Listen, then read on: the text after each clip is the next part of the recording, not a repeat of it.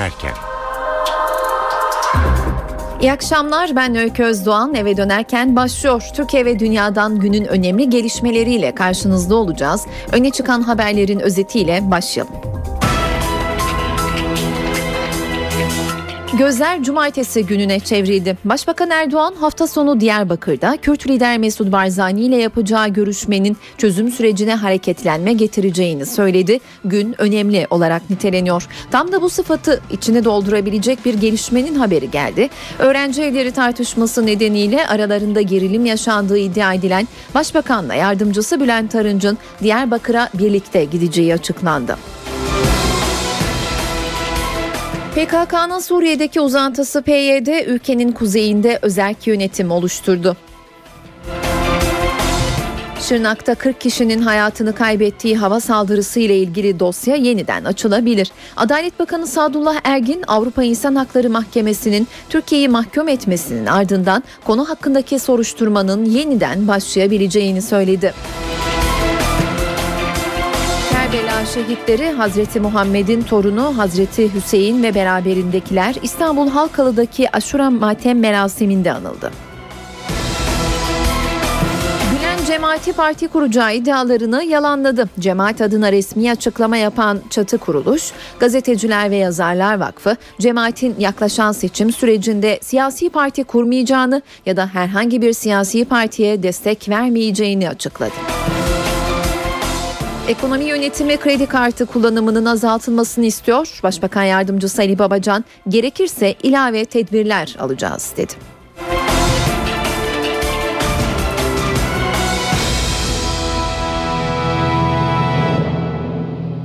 Orta Doğu'da içinden geçtiğimiz çalkantılı süreç Türkiye ile Irak'ın yollarının yeniden kesişmesini sağladı. 3 yıldır nadasa bırakılan ilişkiler yeniden canlanıyor. Ankara merkezi Bağdat yönetimiyle girilen dirsek temasının yanı sıra bölgesel Kürt yönetimiyle süren diyaloğun da zarar görmemesini istiyor. Hafta sonu Diyarbakır'da kritik bir buluşma gerçekleşecek. Kürt lider Mesud Barzani başbakanın davetlisi olarak kente gelecek. Buluşma çözüm süreci açısından da önem taşıyor. Başbakan da bugün Barzani'nin ziyaretinin önemine dikkat çeken bir konuşma yaptı. Yeni bir canlanma, yeni bir hareketlenmeyle bu süreci devam ettireceğiz. Bu hafta sonu gerçekten e, Diyarbakır'da tarihi bir e, süreci yaşayacağız. Çözüm sürecine yönelik bir taçlandırma da olsun. Sayın Barzani'nin davet edildiği ve onların da icabet edeceği ama dedik ki burada bir de İbrahim Tatlıses gibi, Şivan Perver gibi iki dostu da burada bir araya getirelim. Sayın Barzani ile orada siyasi görüşmelerimiz olacak. Etkinliklerde beraber olacağız. Bütün temennimiz, arzumuz çözüm sürecine yönelik olarak bölge halkının barışına, dayanışmasına bunları tabii ki yaşamak bizler için ayrıca bir mutluluk vesilesi olacak. Cumartesi gerçekleşecek kritik buluşma muhalefetin de gündeminde. CHP'li Sezgin Tanrıkulu ve MHP'li Özcan Yeniçeri'nin açıklamalarını dinliyoruz. Sayın Berzani 50-60 yıllık bir siyasi mücadelenin Kürtler arasındaki saygın bir ismidir. Bu saygınlığını Türkiye'deki iş siyasi çekişmelere ve çatışmalara, çatışmalara, kavgalara kurban etmemeye özen göstermesini dilerim. AKP iktidarı bölgede Barzani dahil sözüm ona özgül ağırlığı olan sanatçısından her türlü bölücüsüne herkesin nüfuzundan medet umar hale gelmesi ilginçtir. Yerel seçimler öncesi yapılan bu görüşme AKP'nin bölgede Barzani ile birlikte seçim kampanyasını yürüttüğünü ortaya koyuyor. Bölgede seçimin gerçekte Öcalan ile Barzani arasında geçeceği AKP'nin bu yarışta Barzani'nin desteğini alarak sonuç almaya çalışacağı açıktır. Başbakanın duyurduğu üzere Kürt sanatçı Şivan Perver de cumartesi günü Diyarbakır'da olacak. Perver'in 37 yıl sonra Türkiye'ye gelecek olması ailesinde sevinçle karşılandı. Perver'in Şanlıurfa'daki babası en son 1996'da gördüğü oğluyla kavuşacağı günü bekliyor. Şivan'ımı çok özledim. Başbakanın onu Diyarbakır'a getireceğini duydum. Oğluma kavuşmak istiyorum. Sanatçı Şivan Perver'in babası 90 yaşındaki Yunus Aygün, oğluyla hasretin biteceği günü bekliyor. Başbakan Recep Tayyip Erdoğan'ın hafta sonu ziyaret edeceği Diyarbakır'da sanatçı Şivan Perver'in İbrahim Tatlıses'le düet yapacağını açıklaması Perver'in Şanlıurfa'daki baba ocağında sevinç yarattı. Şivan Perver hakkında açılan soruşturmalar nedeniyle 1976 yılında Türkiye'den ayrıldı. O tarihten bu yana Almanya ve İsveç'te yaşıyor. 37 yıl sonra Türkiye'ye dönecek olan Perver babasıyla en son 1996'da Kuzey Irak'ta görüştü. Oğlumu yıllardır görmedim. Başbakan Recep Tayyip Erdoğan'la Çalışma ve Sosyal Güvenlik Bakanı Faruk Çelik'ten çocuğumu getirmelerini istiyorum. Çünkü artık yaşlandım. Şivan Perver'in annesi Hatice Aygün de oğlunu yıllar sonra görecek olmanın heyecanı içinde. Perver'i çok özledim. Ona kavuşacağım anı bekliyorum. Şivan Perver yakın zamanda Almanya'da Başbakan Yardımcısı Bülent Arınç'la görüşmüş, Arınç Perver'den Türkiye'ye dönmesini istemişti. Suriye'de yaşanan iç savaş tüm hızıyla sürerken Türkiye'nin sınır hattında Kuzey Irak benzeri yeni bir Kürt özerk bölgesi şekilleniyor. El-Kaide gruplarıyla şiddetli çatışmalar sonucu bölgenin büyük bölümünde denetimi ele geçiren PYD güçleri geçici bir yönetim kurduklarını duyurdu. Yönetim Rojava'yı 3 bölgeye ayırdı. Karar Kamışlı'da toplanan Kürt grupların toplantısında alındı. Yapılan açıklamada idari boşluğun doldurulması için geçiş niteliğinde çoğulcu ve demokratik bir yönetimi gereklilik olarak görüyoruz denildi. Açıklamada Suriye'nin bütünlüğüne bağlı olunduğu vurgulandı ve komşu ülkelerden de destek istendi. Kapasitesinin artırılacağı duyurulan Habur sınır kapısında sorun tam olarak aşılmış değil. Tırların kapı önünde bekleyişi 20 gündür sürüyor. Soruna kalıcı çözüm bulunmasını isteyen şoförler bekleyiş nedeniyle oluşacak zarardan ülke ihracatının etkileneceği görüşünde. Habur sınır kapısında tırların bekleyişi 20 gündür sürüyor. Kaç gündür buradasın? 6 gündür sadece sahadayım. 6 gündür sıradasın. Irak tarafında yaşanan yoğunluk azalmıyor. Firmaların zararı her geçen gün artıyor. Bu aslında son 5 senelik bir kuyruktur. Sürekli yıl sonunda e, yoğunlaşmanın oluşturduğu e, noktada bir kuyruk oluşuyor. Tır şoförlerine göre sorunun çözümü için sınır kapısındaki kapasitenin artırılması gerekiyor. Sorunun en büyük noktasından ha, şu anda Habur'un Habur'da iki tane köprünün olmasıdır. Çünkü üçüncü köprü bir türlü kurulmuyor. Habur'da bekleyen mallar var. Bunlar tabii ki yıl sonunda e, ihracatımızı etkileyecek. Türkiye ile Irak arasındaki ticareti olumsuz etkileyen sorunun çözümü için Habur'a 5 kapı daha açılması planlanıyor. Avrupa İnsan Hakları Mahkemesi Türkiye'yi bundan 20 yıl önce Şırnak'ta gerçekleşen hava saldırısı konusunda mahkum etti. Adalet Bakanı Sadullah Ergin'in Strasbourg temaslarına bu konu damga vurdu.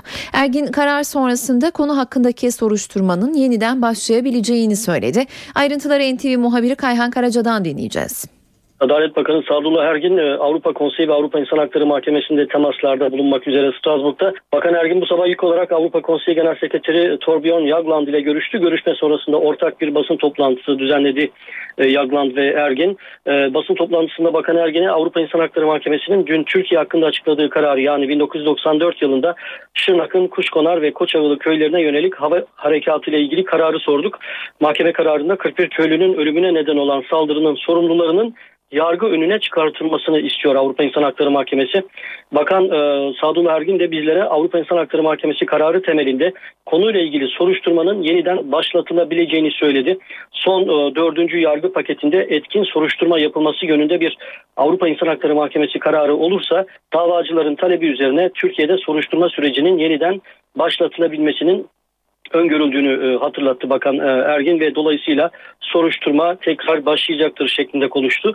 E, dolayısıyla şimdi soruşturma sürecinin yeniden başlaması için davacıların Avrupa İnsan Hakları Mahkemesi kararı temelinde yeniden Türk yargısına başvurmaları gerekiyor. Öte yandan hemen kısa bir not.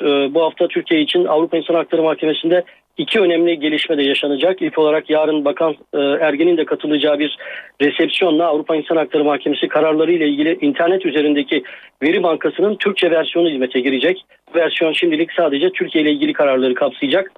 Ee, Ankara ayrıca Ekim ayında Avrupa devletlerinin imzasına açılan Avrupa İnsan Hakları Sözleşmesi'ne ek 16. protokolü de bu hafta ya da en geç gelecek hafta Strasbourg'da imzalayacak. Sözleşme taraf devletlerin Anayasa Mahkemesi, Yargıtay ve Danıştay gibi yüksek yargı organlarına Avrupa İnsan Hakları Sözleşmesi'nde tarif edilen temel hak ve özgürlüklerin uygulanması veya yorumu ile ilgili olarak Avrupa İnsan Hakları Mahkemesi'ne e, görüş sorma veya görüş talep etme hakkı tanıyor. Azerbaycan Türkiye'ye uyguladığı vize politikasını yumuşatıyor. Açıklama Azerbaycan Devlet Başkanı İlham Aliyev'den. Türkiye temaslarının ikinci gününde Başbakan Erdoğan'la bir araya gelen Aliyev'in Türk işçilere bir de müjdesi vardı. Vizeler konusunda da gerek akademisyenler gerek öğrenciler noktasında iş adamları noktasında taraflara sıkıntı vermeyecek şekilde ilk adımları bu şekilde ağırlıklı iş adamlarımıza yönelik atmış olacağız. Azerbaycan Türkiye'ye uyguladığı vizeyi yumuşatıyor. Başbakan Recep Tayyip Erdoğan ve Azerbaycan Devlet Başkanı İlham Aliyev'in ortak basın toplantısında Aliyev'e vizenin neden istisnasız kalkmadığı da soruldu.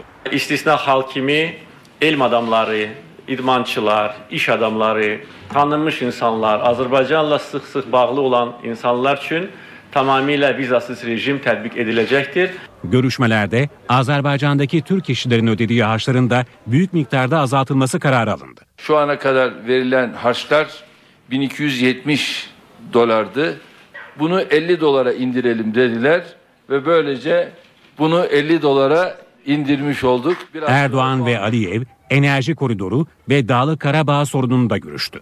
Yukarı Karabağ sorunu şu anda Azerbaycan'ın nedenli sorunuysa bizim de o denli sorunumuzdur. Amerika, Rusya, Fransa bu konuda bu işi çok daha sıkı, ciddi, kararlı bir şekilde tutmalı. Erdoğan ve Aliyev'in başbakanlıktaki araç konvoyunda ilginç bir olay da yaşandı.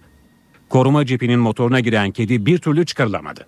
Bunun üzerine araçtaki tüm malzeme başka araca yüklendi. Konvoy gitti ancak kedinin çıkarılamadığı araç başbakanlıkta bırakıldı. Saat 17.16 gelişmeleri aktarmaya devam ediyoruz. Mecliste kadınların pantolon giymesi yasal düzenlemeyle güvence altına alınıyor. Pantolon serbestisiyle ilgili teklif şu dakikalarda genel kurulda ele alınıyor. Bu bölümde Türkiye Büyük Millet Meclisi'ne uzanacağız. Parlamentoda neler olup bittiğini öğrenmek için de NTV muhabiri İmray Aktağ kulak vereceğiz. Miray seni dinliyoruz. Mecliste kadınların pantolon giymesine imkan veren düzenleme bugün Türkiye Büyük Millet Meclisi'nin öncelikli gündem maddesi. Düzenleme genel kurula geliyor bugün ama aslında konu sadece mecliste pantolon giysin ya da giyilmesin tartışmasıyla sınırlı değil. Bu yüzden belki de bu tartışmanın bütününe, geçmişine ve nasıl bu aşamaya geldiğine bakmakta fayda var. E, meclis pantolon yasağı iktidarla muhalefette daha geniş bir başlıkta kadın ve özgürlükler anlamında tartışma konusu oldu e, meclise pantolon giysin açılımı çünkü ilk kez 2011 yılındaki seçimlerden hemen sonra gündeme gelmişti. Daha sonra İktidar Partisi o dönemde farklı çekincelerinden ötürü düzenlemeyi rafa kaldırmıştı. 2011'de gündeme gelmesinin temel gerekçelerinden biri CHP'li Şafak Pavey'in durumuydu. İki yıl sonra konunun yeniden gündeme getiren ise e, geçtiğimiz haftalardaki başörtülü oturum oldu. Başörtülü milletvekillerinin katıldığı ilk oturum oldu.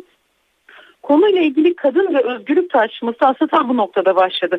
Cumhuriyet Halk Partisi Şafak Pavey o gün yaptığı konuşmasında e, dikkat çeken ifadeler kullanmıştı ve sizlere her şeyin yasak olduğu bir meclisten sesleniyorum derken aslında başörtüsüne evet ama iki yıl önce pantolon düzenlemesini kabul etmemiştiniz şeklinde bir mesaj vermeye çalıştı. Hatta bu açıklamadan sonra iktidardan pantolona engel yok şeklinde açıklamalar da geldi. Cumhuriyet Halk Partisi'nin geçen hafta Sarayın genel kurul konuşmasının ardından AK Parti, MHP ve BDP'nin komisyona gelen teklifinin altına imza atmamasının gerekçesi de tam olarak bu aslında. Yani CHP madem özgürlüklerden yanasınız o halde buna iki yıl neden hayır dediniz diye sordu. İktidar ise pantolon üzerinden yeni bir mağduriyet yaratmayız diyerek yeni bir teklifle yanıt verdi e, ana muhalefet partisine. Bu yüzden CHP iki yıl öncesinin teklifi var o halde onunla birleştirin ben yeniden teklifi getiren e, taraf olmam diyerek bu kez teklifin altına imza atmadı. Komisyonda da CHP'nin bu isteği doğrultusunda geçen hafta iki teklif birleştirildi ve bu birleşmenin ardından teklif Anayasa Komisyonu'nda CHP'nin onayıyla dört partinin oy birliğiyle kabul edildi. Peki bugün genel kurulda nasıl bir teklif e, oylanacak ne aşamada onu aktaralım. Bayanlar tayör giyer ifadesi kadınlar kumaş etek ve ceket ya da kumaş pantolon ve ceket giyerler şeklinde değiştirildi. Kumaş ifadesinin getirilmesinin bir sebebi var. Deri pantolon tartışması olmuştu komisyonda. Yani deri pantolon gibi marjinal bir görüntüyü engellemek istiyor Türkiye Büyük Millet Meclisi.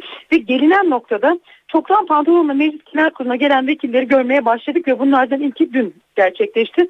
CHP'li Melda Onur dün Plan Bütçe Komisyonu'na pantolonla katıldı ancak o ilk değil. Tek tük de olsa bazı vekiller daha önce genel kurulun çalışmadığı günlerde pantolonla komisyon çalışmalarına katılmışlardı. Fakat tartışma bu kadar hararetli olmadığı için dikkat çekmemişlerdi. Peki bugün düzenlemenin bugün geçmesini bekliyoruz. Genel kuruldan geçtikten sonra Şafak Pavey ne yapacak? Pavey öncelikle bu düzenleme için kendisinin bahane edilmemesini istiyor ve sık sık tartışma benim üzerinden yürümesin şeklinde mesajlar veriyor yakın çevresine. Ve o daha çok kadının ne giyildiğinin erkekler tarafından tartışılmasına karşı. Hatta o gün genel kurulda yaptığı konuşmasında okuduğu metinde e, şöyle bir ifade vardı. İş tüzük değişene kadar meclise pantolonla gelmeyeceğim şeklinde bir ifade vardı. Ancak bu ifadeyi sesli olarak dile getirmedi Şafak Pavey ve sadece yazılı metinde kaldım. Bu yüzden Pavey'in bu değişikliğin ardından pantolonla genel kurula gelip gelmeyeceği merak ediliyor. Ancak şunu söyleyebiliriz. Evet Pavey bu düzenlemenin ardından meclise pantolonla gelecek ama etek giymeye de devam edecek. Zaman zaman onu etekle de göreceğiz. En azından e, edindiğimiz izlenim o yönde. Ve son not olarak şunu düşmekte fayda var.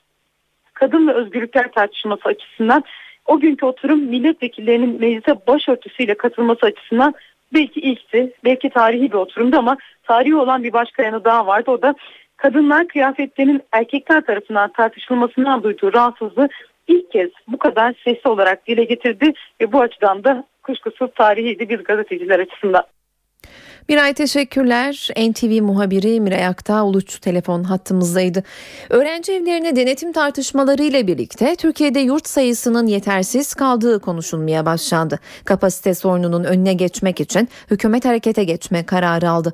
Gençlik ve Spor Bakanlığı yurt açığını kapatmak için özel sektör eliyle 100 bin öğrenci kapasiteli yeni yurtlar kiralayacak. Hükümet devlet yurtlarının kapasite sorununu gidermek için düğmeye bastı. Gençlik ve Spor Bakanlığı özel sektörden 100 bin kapasiteli yurtlar kiralayacak. Yurtların önümüzdeki eğitim yılında hizmete girmesi hedefleniyor. Yurtlar 15 yıl kira garantisiyle Kredi ve Yurtlar Kurumu'na devredilecek. Kiralama için teklif edilecek binanın bazalı sistemle en az 500 yatak kapasiteli olması şartı aranacak. Ancak 500 kapasitenin altındaki binalar da kurum tarafından değerlendirilecek. Odaların 3 ila 4 kişilik olması ve her birinin içinde tuvalet, lavabo, duş olması şartı aranacak. Odaların donanımını ise Yurtkur kendisi yapacak. Gençlik ve Spor Bakanlığı 14 Kasım'da yurt yapımı için ihale ilanına çıkacak. Başvurular 29 Kasım saat 17'ye kadar alınacak. Tekliflerin değerlendirmesi ise 15 günde sonuçlandırılacak. Gülen cemaati parti kuracağı iddialarını yalanladı. Cemaat adına resmi açıklama yapan Çatı Kuruluş Gazeteciler ve Yazarlar Vakfı, cemaatin yaklaşan seçim sürecinde siyasi parti kurmayacağını ya da herhangi bir siyasi partiye destek vermeyeceğini açıkladı. Hareket içinde yer alan kişilerin ise bireysel olarak seçimlere katılmalarına bir engel bulunmadığı bildirildi. Gazeteciler ve Yazarlar Vakfı bu tip iddiaların sığ ve gerçeklikten uzak olduğunu vurguladı. Açıklamada cemaatin her herhangi bir partiye angaje olması hem teorik hem de pratik olarak kesinlikle söz konusu değildir denildi. Kerbela'da şehit edilen Hazreti Hüseyin ve beraberindekiler evrensel aşura matem merasimiyle anıldı. Her yıl Halkalı'da düzenlenen aşura etkinliğine Caferi temsilcilerinin yanı sıra bu yıl Meclis Başkanı Cemil Çiçek, CHP lideri Kemal Kılıçdaroğlu da katıldı. İki isim de İslam dünyasında yaşanan ayrılığın son bulmasını istedi, birlik beraberlik mesajları verdi. Benim zalimim iyidir anlayışı Müslümanlıkta yoktur. Zulme rıza zulümdür. Bu cennet vatanda birbirimizin değerini daha iyi anlamalıyız. Hiçbir ayrım yapmamalıyız. Kimseyi ne inancından ne etnik kökeninden dolayı kıramamalıyız. Camiler de bizimdir, cemevleri de bizimdir. Ramazan da bizimdir, Muharrem de bizimdir. Tarih boyunca uğrunda çok cefa çekilen Alevi-Sünni ayrışmasını ve çatışmasına asla fırsat vermemeliyiz. Yeteri kadar acılar çektik. Aramızda kin ve nefret doğumları ekmeye çalışanlara şüpheyle bakmalıyız ve mesafeli durmalıyız. Daha demokratik bir ülkede yaşamak, bireysel özgürlük alanlarının genişletilmesini istemek takdirle karşılanacak ve desteklenecek bir tutumdur. Ülkemiz haklar ve özgürlükler bağlamında artık belli bir olgunluğa doğru hızla ilerlemektedir. Bu anlamda farklı inançlara mensup grupların sorunları ve talepleri daha fazla geciktirilmeden birlikte uzlaşarak anlaşarak çözülmelidir. Muharrem ayında Adıyaman'da trafik polisleri karayolu üzerinde aşure dağıttı. İkram sürücüler için sürprizdi zira birçoğu durdurulduğunda radara girdiklerini ve ceza yazılacağını düşünüyordu. Polis araçları tek tek durduruyor. Ancak bu sefer kontrol amaçlı değil aşure dağıtmak için. Adıyaman Emniyeti Muharrem ayı nedeniyle böyle bir uygulama başlattı. Trafik polisleri denetim yapar gibi araçları durduruyor, ceza yazılacağını zanneden sürücülere aşure ikram ediliyor. Yani araba biraz rahatlı geldiği için biz radara girmiştir zannettik. Radar aklımıza geliyordu. Fakat şu anda çok memnun olduk yani. Çok sağ olun. Çok güzel olmuş. Ya, tadı güzel. sağlık. Evet, Evet, güzel güzel olmuş. Allah razı olsun, afiyet olsun. Hep vatandaşlarımız ceza ceza ceza yazıyorsunuz diyorlar. Biz de bunların düşüncelerini kırabilmek için e, bu mübarek günde, mübarek ayda aşure dağıtımını yaparak vatandaşların gönlünü almak istedik. Aşure dağıtımı Gölbaşı, Kahta ve Şanlıurfa karayollarında yapılıyor. Gezi Parkı protestolarının devam ettiği günlerde Ok Meydanı'ndaki evinden ekmek almaya çıktıktan sonra başından gaz bombası fişeğiyle vurulan 14 yaşındaki Berkin Elvan bugün beyninde oluşan ödem nedeniyle dördüncü kez ameliyat edildi. Yaklaşık 2 saat süren operasyon başarılı geçti. Ok Meydanı Mahmut Şevket Paşa mahallesindeki evinin bulunduğu sokakta vurulan Berkin Elvan Ok Meydanı Eğitim ve Araştırma Hastanesi'ne kalbi durmuş olarak götürülmüştü. Berkin o gün iki ayrı ameliyat geçirdi ve hayata döndü ancak bilinci kapalıydı. O günden sonra da sürekli yoğun bakım ünitesinde kaldı. Beyninde oluşan ödem 8 Kasım'da geçirdiği ameliyatla alındı. Ancak ikinci kez aynı noktada ödem oluştu. Doktorları Berkin'i bir kez daha ameliyata aldı. Beynindeki ödem çıkartıldı.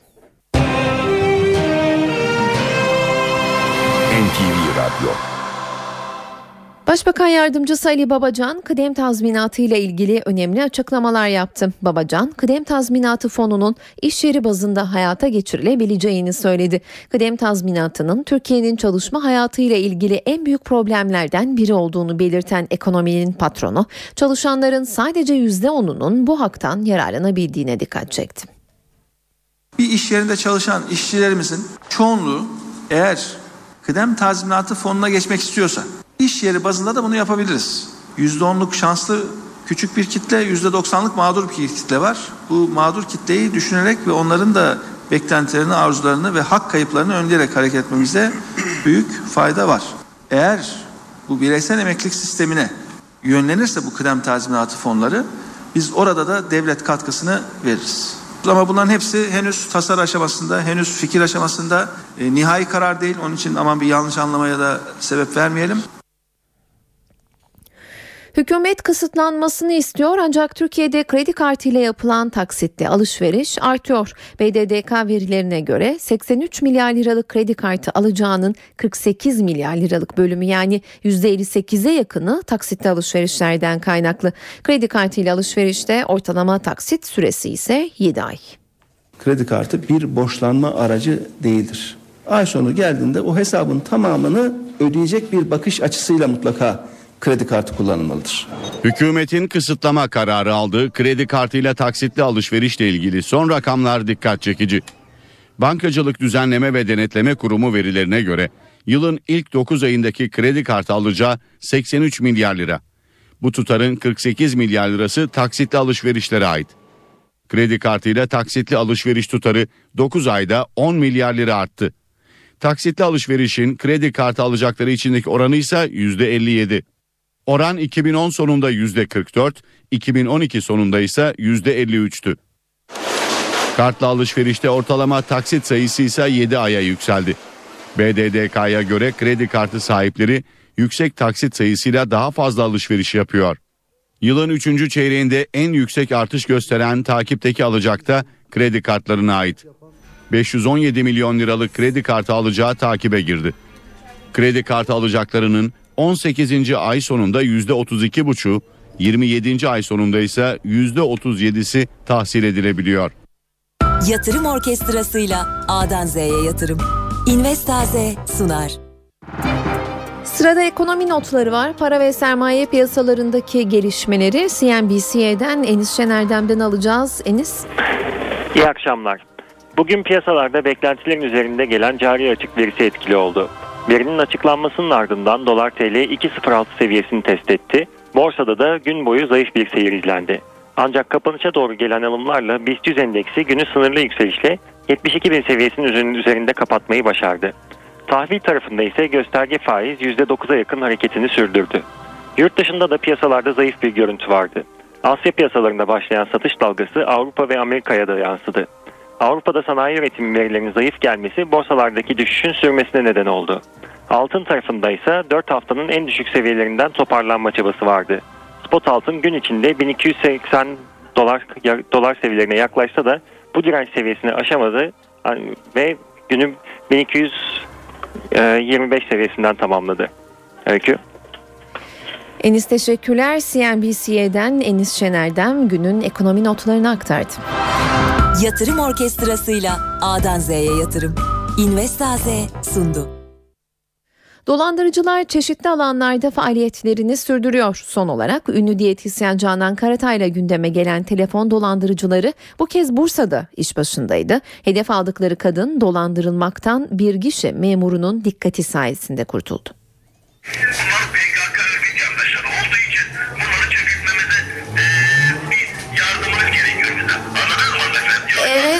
Telefon dolandırıcıları bu sözlerle kandırmak istedi. Bankadaki gişe memurunun dikkati müesser salığın 9 bin lirasını kurtardı.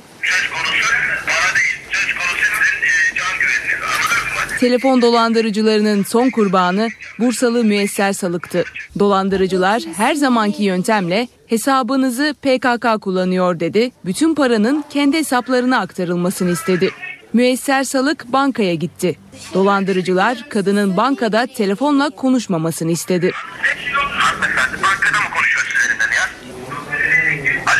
Gişe memuru Salık'ın dolandırıldığını fark etti. Olayı polise haber verdi. Bankaya gelen polis kadının dolandırıcıları oyalamasını istedi. Nereye geleyim?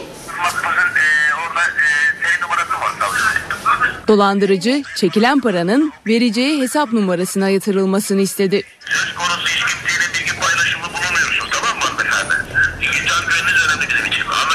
Müesser Salık gişe memuru sayesinde dolandırılmaktan kurtuldu. Ancak polis dolandırıcıyı yakalayamadı.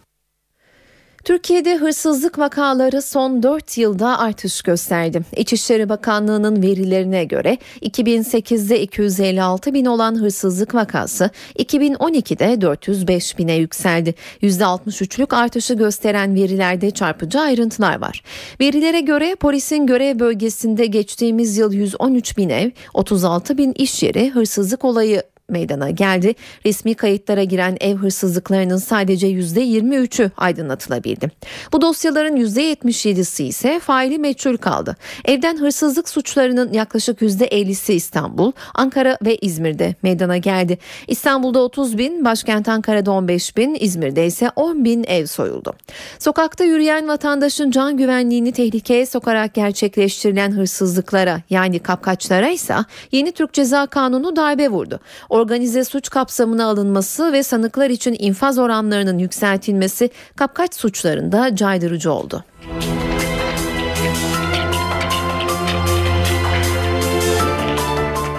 Kimliğini kaybetti, borçlu çıktı. 30 yıl önce kimliğini kaybeden Bursalı Süleyman Yıldız 11 yıldır mahkemelerle uğraşıyor. Nedeni kimliğini kullanan kişilerin tam 3 trilyon borçlanması. Mağdur Süleyman Yıldız'ın tek isteği suçluların yakalanması. Kimlik bana ait ama fotoğraf farklı. Benim adıma bu kimliği habire yeniliyor. 30 yıl önce kaybettiği nüfus cüzdanı başına bela oldu. 3 milyon liralık icra kapıya dayandı. Her şey 30 yıl önce Süleyman Yıldız'ın kimliğini kaybetmesiyle başladı. Hemen gidip kimliğimi yeniledim. Ve bunun şişi de var. Ee, savcıya verdim. Aslı da var gazetenin mesela. 11 yıl önce de ardı ardına icra kağıtları ulaştı Yıldız'ın eline. Borçlar 3 milyon lirayı buluyordu. İzmir Kadife Vergi Dairesi'nden, ondan sonra e, İstanbul Dış Bank'tan, değişik değişik illerden bir sürü borçlar geldi. Toplam borç 3 trilyonu aşkın. Bu sadece bizim elimize gelen faturalar. Daha da çok olabilir. 51 yaşındaki Süleyman Yıldız kimliğini kullanan şahsın yakalanmasını istiyor. Ailecek bunaldık yani. Suç duyurusunda da bulunduk. Avukata tuttuk. Bekleyin diyorlar. Bekleyelim diyorlar ama 11 yıl oldu. Hala da hala da bekleyin diyorlar. Daha bizden ne kadar bekleyeceğiz? Saat 17.40 günün öne çıkan gelişmelerini aktarmaya devam ediyoruz. Bazı illerde yaşanan hekim sıkıntısını aşmak için Sağlık Bakanlığı sözleşmeli hekimlik uygulamasını başlatıyor. Pilot nokta olarak hekimlerin gitmeyi tercih etmediği il ve ilçeler seçildi. Sözleşmeli çalışmayı kabul eden pratisyen hekimlerin maaşları en az 2000, uzman hekim maaşları da en az 3000 lira artacak. Biz devlet olarak burada insan kaynağımızı bir şekilde mecbur hizmet dışında bir mekanizma kurup daha popüler hale getirebilir miyiz? Bir temel teknik hata yapıldığını biz algıladık. Sağlık Bakanlığı 26 il ve bu illere bağlı ilçelerde hekim sıkıntısı yaşıyor. Bu sıkıntıyı aşmak için yeni bir uygulama yolda. Büyük bölümü Güneydoğu ve Doğu Anadolu'da bulunan il ve ilçelerde hekimler sözleşmeli olarak çalışabilecek. Sözleşmeli hekimlerin maaşları en az %40 artacak. Pratisyen hekimlerde 2000 lira, en az 2000 lira, e, uzman hekimlerde de en az 3000 lira olmak kaydıyla bir ücret artışı söz konusu olacak. Hem mecburi hizmet için hem de kendi tercihiyle giden hekimler istedikleri takdirde sözleşmeli olarak çalışabilecek. Uygulamada bazı kent merkezleri ise kapsam dışında. Van merkezde 4924 planlamadık. Ama ilçelerinde planladık. Diyarbakır'ın merkezinde planlamadık ama ilçelerinde planladık. Ama Hakkari'nin il merkezinde de planladık, ilçesinde de.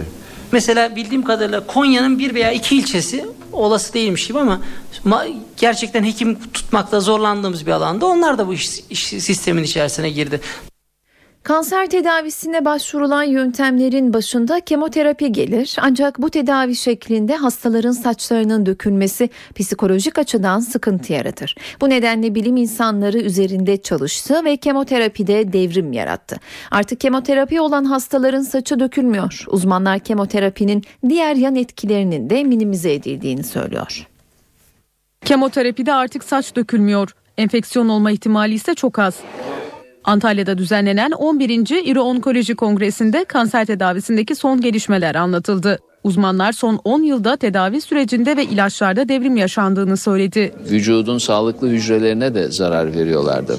E, bu seçicilik olmayınca da bir yan yan etki işte saç dökülmesi, bulantılar, kusmalar, enfeksiyonlar gibi ortaya çıkıyordu.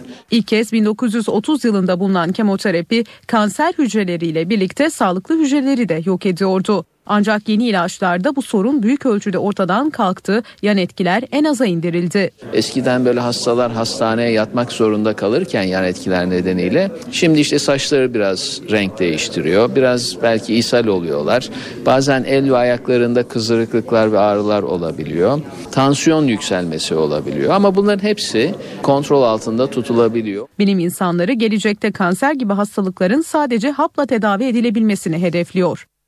Marmaray'da 15 günlük ücretsiz geçiş sona erdi. Vatandaşlar İstanbul Kart veya Akbil'le 1 lira 95 kuruş ödeyerek iki yaka arasında yolculuk yapmaya başladı. Marmaray'ı 15 gündür ücretsiz kullanmaya alışanlar şaşkınlık yaşadı. Kimi farkındaydı, kimi turnikeden döndü. Marmaray artık ücretli. Bitti. Yok hayır bilmiyordum. Nasıl şaşırdınız mı görünce? Ya bekliyordum aslında 15 gün süresi vardı. Biliyorduk tahmin ediyordum. Olması gereken bu. Öbür türlü daha kalabalık oluyor. Ücretli ilk günün sabahında yoğunluk ücretsiz günlerden farksızdı.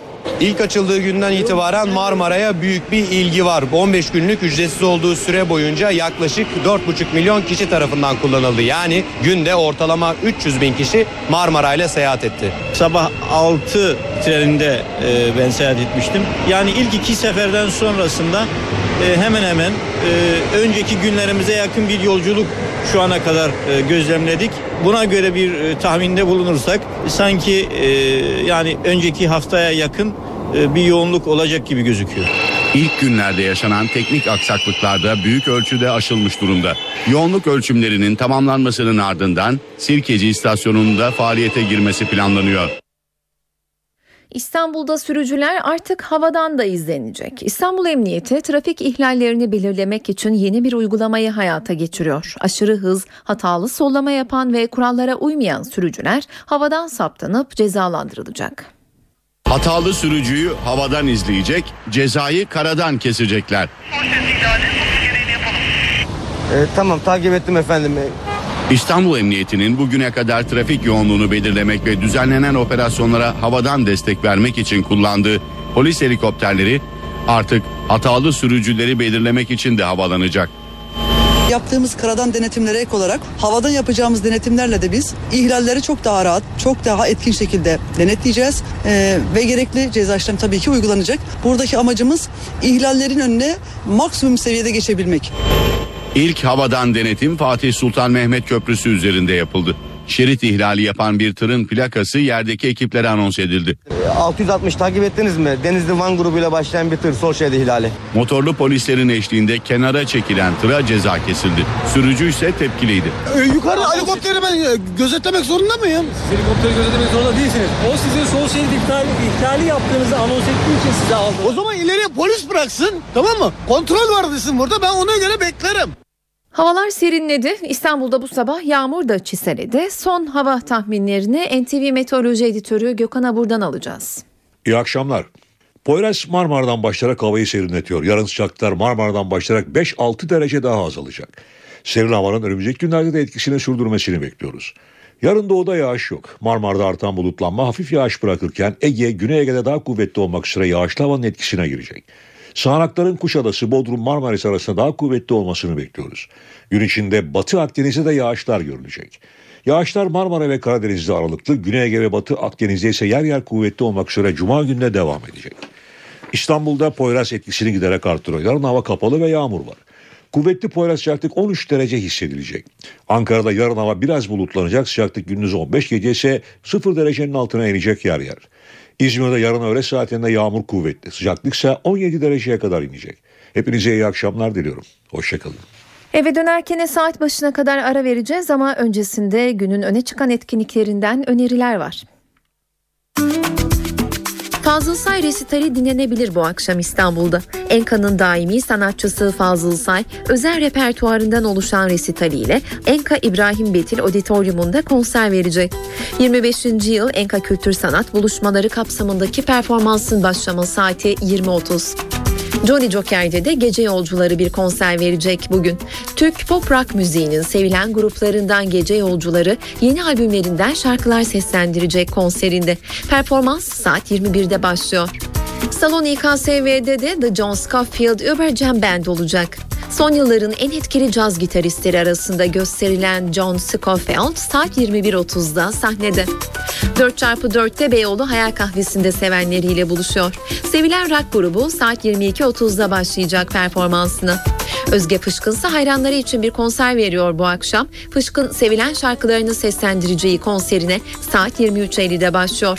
Performans mekanı Beyoğlu Hayal Kahvesi. Tiyatro severler için de önerilerimiz olacak. Devlet Tiyatroları Üsküdar Stüdyo sahnede ikinci dereceden işsizlik yanığı sahneye konacak bu akşam. Elif Erdal'ın yönetmen koltuğunda oturduğu oyunun oyuncu kadrosunda Berkay Tulumbacı yer alıyor. Kara komedi türündeki oyunun başlama saati 20. Meraklısı için öyle bir hikayede şehir tiyatroları Kadıköy Haydun Taner sahnesinde görülebilir bu akşam.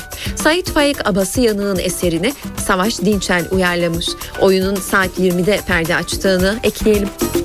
Bu akşam evdeyseniz CNBC'de saat 22'de The Newsroom, 23'te ise Mad Men izlenebilir. Star TV'de ise saat 20'de Muhteşem Yüzyıl ekrana gelecek. Saatler 18'i gösteriyor. Ben Öykü Özdoğan. Eve dönerken günün öne çıkan gelişmelerinden başlıklarla devam ediyoruz. Gözler cumartesi gününe çevrildi. Başbakan Erdoğan hafta sonu Diyarbakır'da Kürt lider Mesut Barzani ile yapacağı görüşmenin çözüm sürecine hareketlenme getireceğini söyledi. Gün önemli olarak niteleniyor. Tam da bu sıfatın içini doldurabilecek bir gelişmenin haberi geldi. Öğrenci evleri tartışması nedeniyle aralarında gerilim yaşandığı iddia edilen Başbakanla yardımcısı Bülent Arınç'ın Diyarbakır'a birlikte gideceği açıklandı. PKK'nın Suriye'deki uzantısı PYD ülkenin kuzeyinde özerk yönetim oluşturdu. Şırnak'ta 40 kişinin hayatını kaybettiği hava saldırısı ile ilgili dosya yeniden açılabilir. Adalet Bakanı Sadullah Ergin, Avrupa İnsan Hakları Mahkemesi'nin Türkiye'yi mahkum etmesinin ardından konu hakkındaki soruşturmanın yeniden başlayabileceğini söyledi. Kerbela şehitleri Hazreti Muhammed'in torunu Hazreti Hüseyin ve beraberindekiler İstanbul Halkalı'daki aşure matem merasiminde anıldı.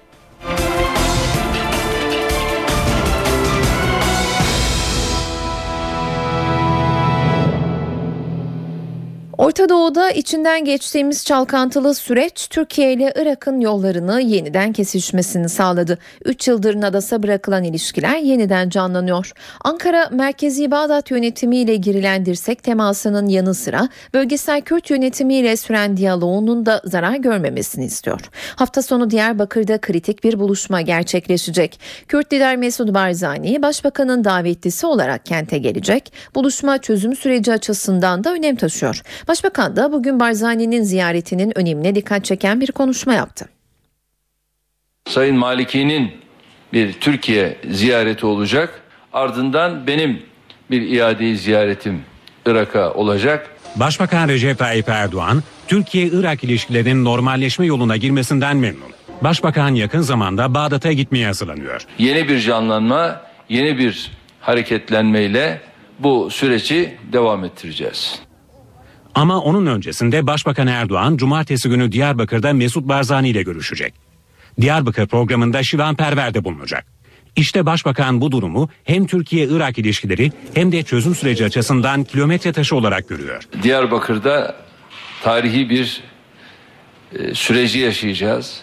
Çözüm sürecine yönelik bir taçlandırma da olsun. Sayın Barzani'nin davet edildiği ve onların da icabet edeceği ama dedik ki burada bir de İbrahim Tatlıses gibi, Şivan Perver gibi iki dostu da burada bir araya getirelim. Başbakan Erdoğan Barzani buluşması muhalefetin de gündeminde. Sayın Barzani 50-60 yıllık bir siyasi mücadelenin Kürtler arasındaki saygın bir ismidir.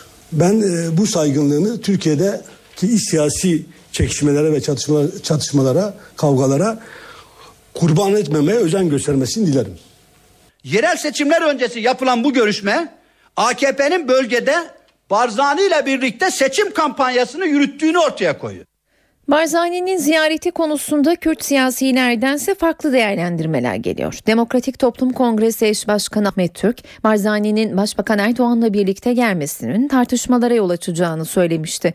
Türk, birileri önümüzdeki seçimler için Barzani'yi Diyarbakır'a davet etmiş olabilir. Kürt halkı bu ihtimali konuşuyor demişti. Az önce bir açıklama yapan Diyarbakır Bağımsız Milletvekili Leyla Zana ise Mesut Barzani'nin cumartesi günü Başbakan Erdoğan'la Diyarbakır'da yapacağı görüşmeyi anlamlı ve değerli bulduğunu söyledi. Zana hiç kimse bu ziyarete seçim yatırımı gözüyle bakmamalıdır. Bu önemli ve kalıcı olması gereken bir süreçtir. Ortak geziyi selamlamak gerekir ifadelerini kullandı. Kritik ziyaret öncesi Barzani Amerika Birleşik Devletleri Başkan Yardımcısı Joe Biden'la telefonda görüştü. Görüşmede neler konuşulduğunu NTV New York muhabiri Selim Atalay'dan öğreniyoruz. Amerikan yönetiminde e, Kürt ve Irak dosyasını en iyi bilen kişi aşağı yukarı Başkan Yardımcısı Joe Biden. Joe Biden hatta Cleveland ya da Pennsylvania kadar e, Irak ve Kürdistan ya da Kuzey Irak'la e, ilgili diye e, tanımlarlar. Yani Pennsylvania ile veya işte e, Philadelphia ile ya da Ohio ile o kadar yakındır, ilgilidir. E, Başkan Yardımcısı sık sık da telefonda görüşür Barzani ile. Ee, daha önce yüz yüze görüşmeleri de olmuştu yakın zaman önce. Şimdi bu e, yüz yüze gö- e, te- telefon görüşmesinde birkaç konu öne çıkmış. Öncelikli olarak e, Irak'ta bir güvenlik sorunu yeniden başlama başladı. Bombalı saldırılar, araçlı, bu bir tuzaklı saldırılar başladı ve bu giderek Kuzey Irak'a da yayılıyor. O dikkatini çekti Amerika'nın Irak'ın güvenlik meseleleri ve terör ağlarını tecrit için Erbil ile Bağdat arasında yakın koordinasyon diyor. Ee, Bu Erbil ile Bağdat arasındaki koordinasyon zaten Amerika'nın önceliği. Ee, Erbil ile Bağdat'ın birbiriyle daha yakın olmasını istiyor. Bu öncelikle vurgulanmış. Daha sonra bu uh, geçen hafta, önceki hafta e, önemli bir seçim yasası geçirdi e, Irak Merkezi Parlamento. Seçim konusunda herkes birbirini e, yemekteydi. Büyük kavga vardı. Seçim yasasının geçmesini de Biden büyük memnuniyetle karşıladığını teyit etmiş. Orada Şiilerle Kürtler arasında çok çatışma vardı. Arap unsurlar başka bir şey söylüyordu. Orada uzlaşmanın sağlanmasını memnuniyetle karşılamış. Bu ve de açıklamada Barzani'nin Türkiye'ye yapacağı ziyarette gündeme gelmiş bu konuşmada, görüşmede ve de e, işte e, Türkiye ile yakın ilişkilerin e, devamı ve e, buna desteğin Amerikan desteğinin teyidi e, dile getirilmiş Biden tarafından. E, Biden ya da Amerikan yönetimi daha önce de e, çözüm sürecine olan desteğini e, tekrarlamıştı. Bu kapsamda değerlendirmekte fayda var. Yani e, Barzani'yi Amerika'da izliyor ve de konuşuyorlar. NTV Radyo Sırada ekonomi günlüğü var. İki başlık var bugün ekonomi günlüğünde. İlki kredi kartları ile ilgili. Hükümet kısıtlanmasını istiyor ancak Türkiye'de kredi kartı ile yapılan taksitli alışveriş artıyor. BDDK verilerine göre kredi kartı alacaklarının %58'i taksitli alışverişten kaynaklı. Diğer başlık ise hizmet sektörünü yakından ilgilendiriyor. Ekonomi Bakanı Zafer Çağlayan hizmet ihracatına marka desteği için yeni bir teşvik paketi hazırlandığını duyurdu. Biz de ayrıntıları NTV Ankara İstihbarat Şefi Ahmet Ergen'den alacağız. Ahmet seni dinliyoruz. Belki Başbakan Yardımcısı Ali Babacan bugün İstanbul'da yaptığı açıklamada kredi kartıyla taksitli alışverişe sınırlama getirileceğine yönelik hükümet planını bir kez daha vurguladı ve bunun gerekçelerini anlattı. Ee, Bankacılık Düzenleme ve Denetleme Kurumu'nun Eylül sonu itibariyle Türk bankacılık sektörünün durumunu, görünümünü e, anlatan raporu da aslında bu niyetin nereden kaynaklandığını ortaya koyuyor. Rakamlarla durumu özetlememiz gerekirse bu yılın ilk 9 ayında oluşan kredi kartı alacağı 83,1 milyar lira ve bunun 48 milyar liralık bölümü taksitli kredi kartı alışverişlerinden oluşuyor. Bu oran ve bu rakam baktığımızda 2012 sonu itibariyle 38 milyar liraydı. Yani 10 ayda taksitli kredi kartı alışverişi alacağı 10 milyar lira artmış durumda. Toplam kredi kartı alacaklarının %57,7'si taksitli alışverişlerden oluşuyor. 2012 sonunda oran %53,6 idi. 2010 sonunda 2 e, yıl geriye gidersek %44,4'tü yani oldukça ciddi bir artış var kredi kartıyla yapılan taksitli alışverişlerde. Ağırlıklı ortalama taksit süresine baktığımızda 2010 yılında 6,6 aydı. 2013 ee, Eylül sonu itibariyle baktığımızda 6,9 aya yani yaklaşık 7 aya yükselmiş durumda taksit sayısı. BDDK'nın raporuna göre bireysel kredi kartı sahipleri yüksek taksit sayısıyla daha fazla taksitli alışveriş yapmayı tercih ediyor. E, kredi kartları ile ilgili veriler sadece buna işaret etmiyor. Takipteki alacaklara yani ödenmediği için takip edilmeye yasal işleme tabi tutulan kredi e, kartı alacaklarına baktığımızda en fazla artış gösteren alanı oluşturuyor. Bu yılın üçüncü çeyreğinde 517 milyon liralık bir e, takibe düşen kredi kartı alacağı var. Karşılaştırma açısından konut kredilerinde bu rakam 5 milyon, taşıt kredilerinde de 12 milyon. Yine kredi kartıyla yapılan borçlanmaların tahsilat sürelerine baktığımızda kredi kartı borçlarının 18. ay sonunda sadece %32,5'u kapatılabiliyor. 27. ay sonunda da %37'si e, ancak kapatılabiliyor. Bunlar da önemli veriler. Kredi kartıyla ödemelerde öne çıkan harcama gruplarına baktığımızda market alışverişi %15'lik payla ilk sırada yer alıyor Eylül itibariyle. Akaryakıt, giyim, elektronik, gıda ve eğitimde diğer ağırlıklı gruplar. Kredi kartları ile ilgili BDDK'nın bu raporunu aktardıktan sonra Ekonomi Bakanlığı'nın yeni bir hazırlığı var. Bu da özellikle hizmet ihracatı yapanları ilgilendiriyor. Hizmet ihracatıyla kasıt ne onu aktaralım. Turizm, taşımacılık, ticari hizmetler ve bazı resmi hizmetler e, ihraç edildiğinde e, ortaya çıkan durum hizmet ihracatı. E, aslında 2012 ortasından bu yana hükümet hizmet ihracatına bir destek veriyor ama şimdi kapsamlı bir teşvik paketi hazırlığı var. Özellikle mal ihracatında e, sağlanan Turquality ve marka desteği gibi hizmet ihracatında da bir destek verilecek. Buradaki hedef 2023'te 150 milyar dolarlık hizmet ihracatına ulaşmak. 2012'de 43,5 milyar dolardı hizmet ihracatı ve bu bir rekordu. Şu andaki rakamlara baktığımızda Türkiye 2013'te bu rekoru yenileyecek ve 48 milyar dolarlık hizmet ihracatı yapmış olacak. Hizmet ihracatını dünyada artıran, e, en çok artıran 10. ülke pozisyonuna da gelecek öyle. Ahmet teşekkürler. NTV Ankara İstihbarat Şefi Ahmet Ergen ekonomi günlüğüyle bizimleydi.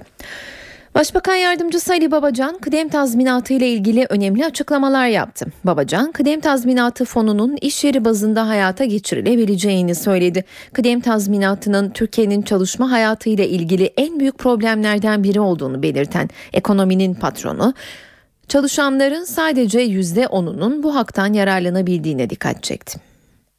Bir iş yerinde çalışan işçilerimizin çoğunluğu eğer kıdem tazminatı fonuna geçmek istiyorsa iş yeri bazında da bunu yapabiliriz. %10'luk şanslı küçük bir kitle, %90'lık mağdur bir kitle var. Bu mağdur kitleyi düşünerek ve onların da beklentilerini, arzularını ve hak kayıplarını önleyerek hareket etmemizde büyük fayda var. Eğer bu bireysel emeklilik sistemine yönlenirse bu kıdem tazminatı fonları biz orada da devlet katkısını veririz. Ama bunların hepsi henüz tasar aşamasında, henüz fikir aşamasında e, nihai karar değil. Onun için aman bir yanlış anlamaya da sebep vermeyelim. Bazı illerde yaşanan hekim sıkıntısını aşmak için Sağlık Bakanlığı sözleşmeli hekimlik uygulamasını başlatıyor.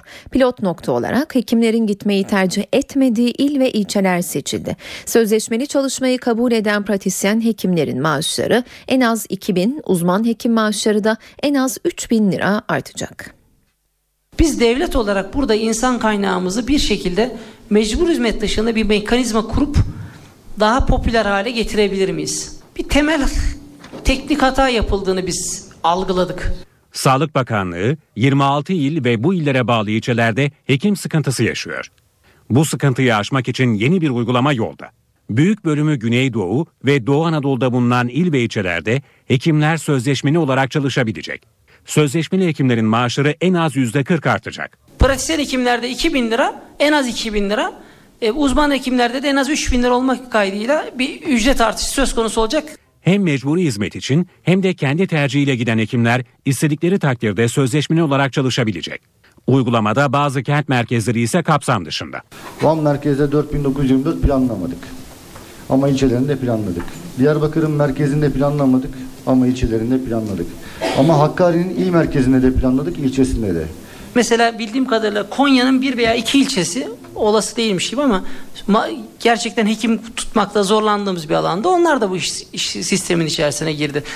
Saat 18.18 ben Öykü Özdoğan sıcak başlığa geri dönüyoruz ve hafta sonu gerçekleşecek buluşma ile ilgili bir yorum alacağız. Radikal Gazetesi Ankara temsilcisi Deniz Zeyrek telefon hattımızda. Sayın Zeyrek yayınımıza hoş geldiniz. Hoş bulduk, iyi yayınlar. Teşekkürler. Mesut Barzani neden geliyor? Diyarbakır'da ne tür mesajlar verilecek? Ee, şöyle özetleyebilirim. Mesut Barzani e, bir kere bu e, nikah töreni e, hani Kürt e, camiasında önemli bir e, programa dönüşmüş durumda. E, İbrahim Tatlıses, Şivan Perver gibi isimlerin direkt yapacak olması vesaire de e, programın önemini e, gösteren e, e, gelişmelerden biri aslında. E, orada e, Türkiye'de yaşayan Kürtlerle birlikte olmak, onların yanında olmak gibi bir e, mesaj da var ama özünde e, Türkiye'yi ziyaret edecekti ve Başbakan Tayyip Erdoğan'la görüşecekti. E, bu düğün denk gelince de e, Diyarbakır'da buluşma kararlaştırıldı. Hem e, ziyaretin anlamı e, daha da derinleştirildi e, hem de e, açıkçası e, yani hem insani hem diplomatik bir boyut katıldı ziyarete. E, çok önemli bir mesaj olduğu kanaatindeyim çünkü e, çözüm süreci odaklı e, bakıyor hükümet bu o gelişmeye. e, Barzani bir şekilde Diyarbakır'dan çözüm sürecinin e, yanında olduğunu, desteklediğini e, ifade edecek. O, o mesajla birlikte geliyor. E, ama e, tabii durum e, tek de e, tek başına bizim çizdiğimiz bu tablodaki gibi değil. Çünkü Kürt siyasetinin önde gelen e, unsurlarından BDP Barzani'nin Diyarbakır ziyaretine mesafeli yaklaşıyor. E, peki bu ziyaretin çözüm sürecinin tam da yokuş tırmandığı bir dönemde gerçekleşecek olmasını, zamanlamayı sizce nasıl okumak gerekiyor? Şimdi benim e, bugün de onu yazmaya çalıştım. BDP'lilerden izlenimim şu. E, bu ziyareti e, iç politika açısından AK Parti'nin e, Barzani'nin etkileyebileceği Kürt nüfusu yanına çekme girişimi olarak algılanmış BDP içinde.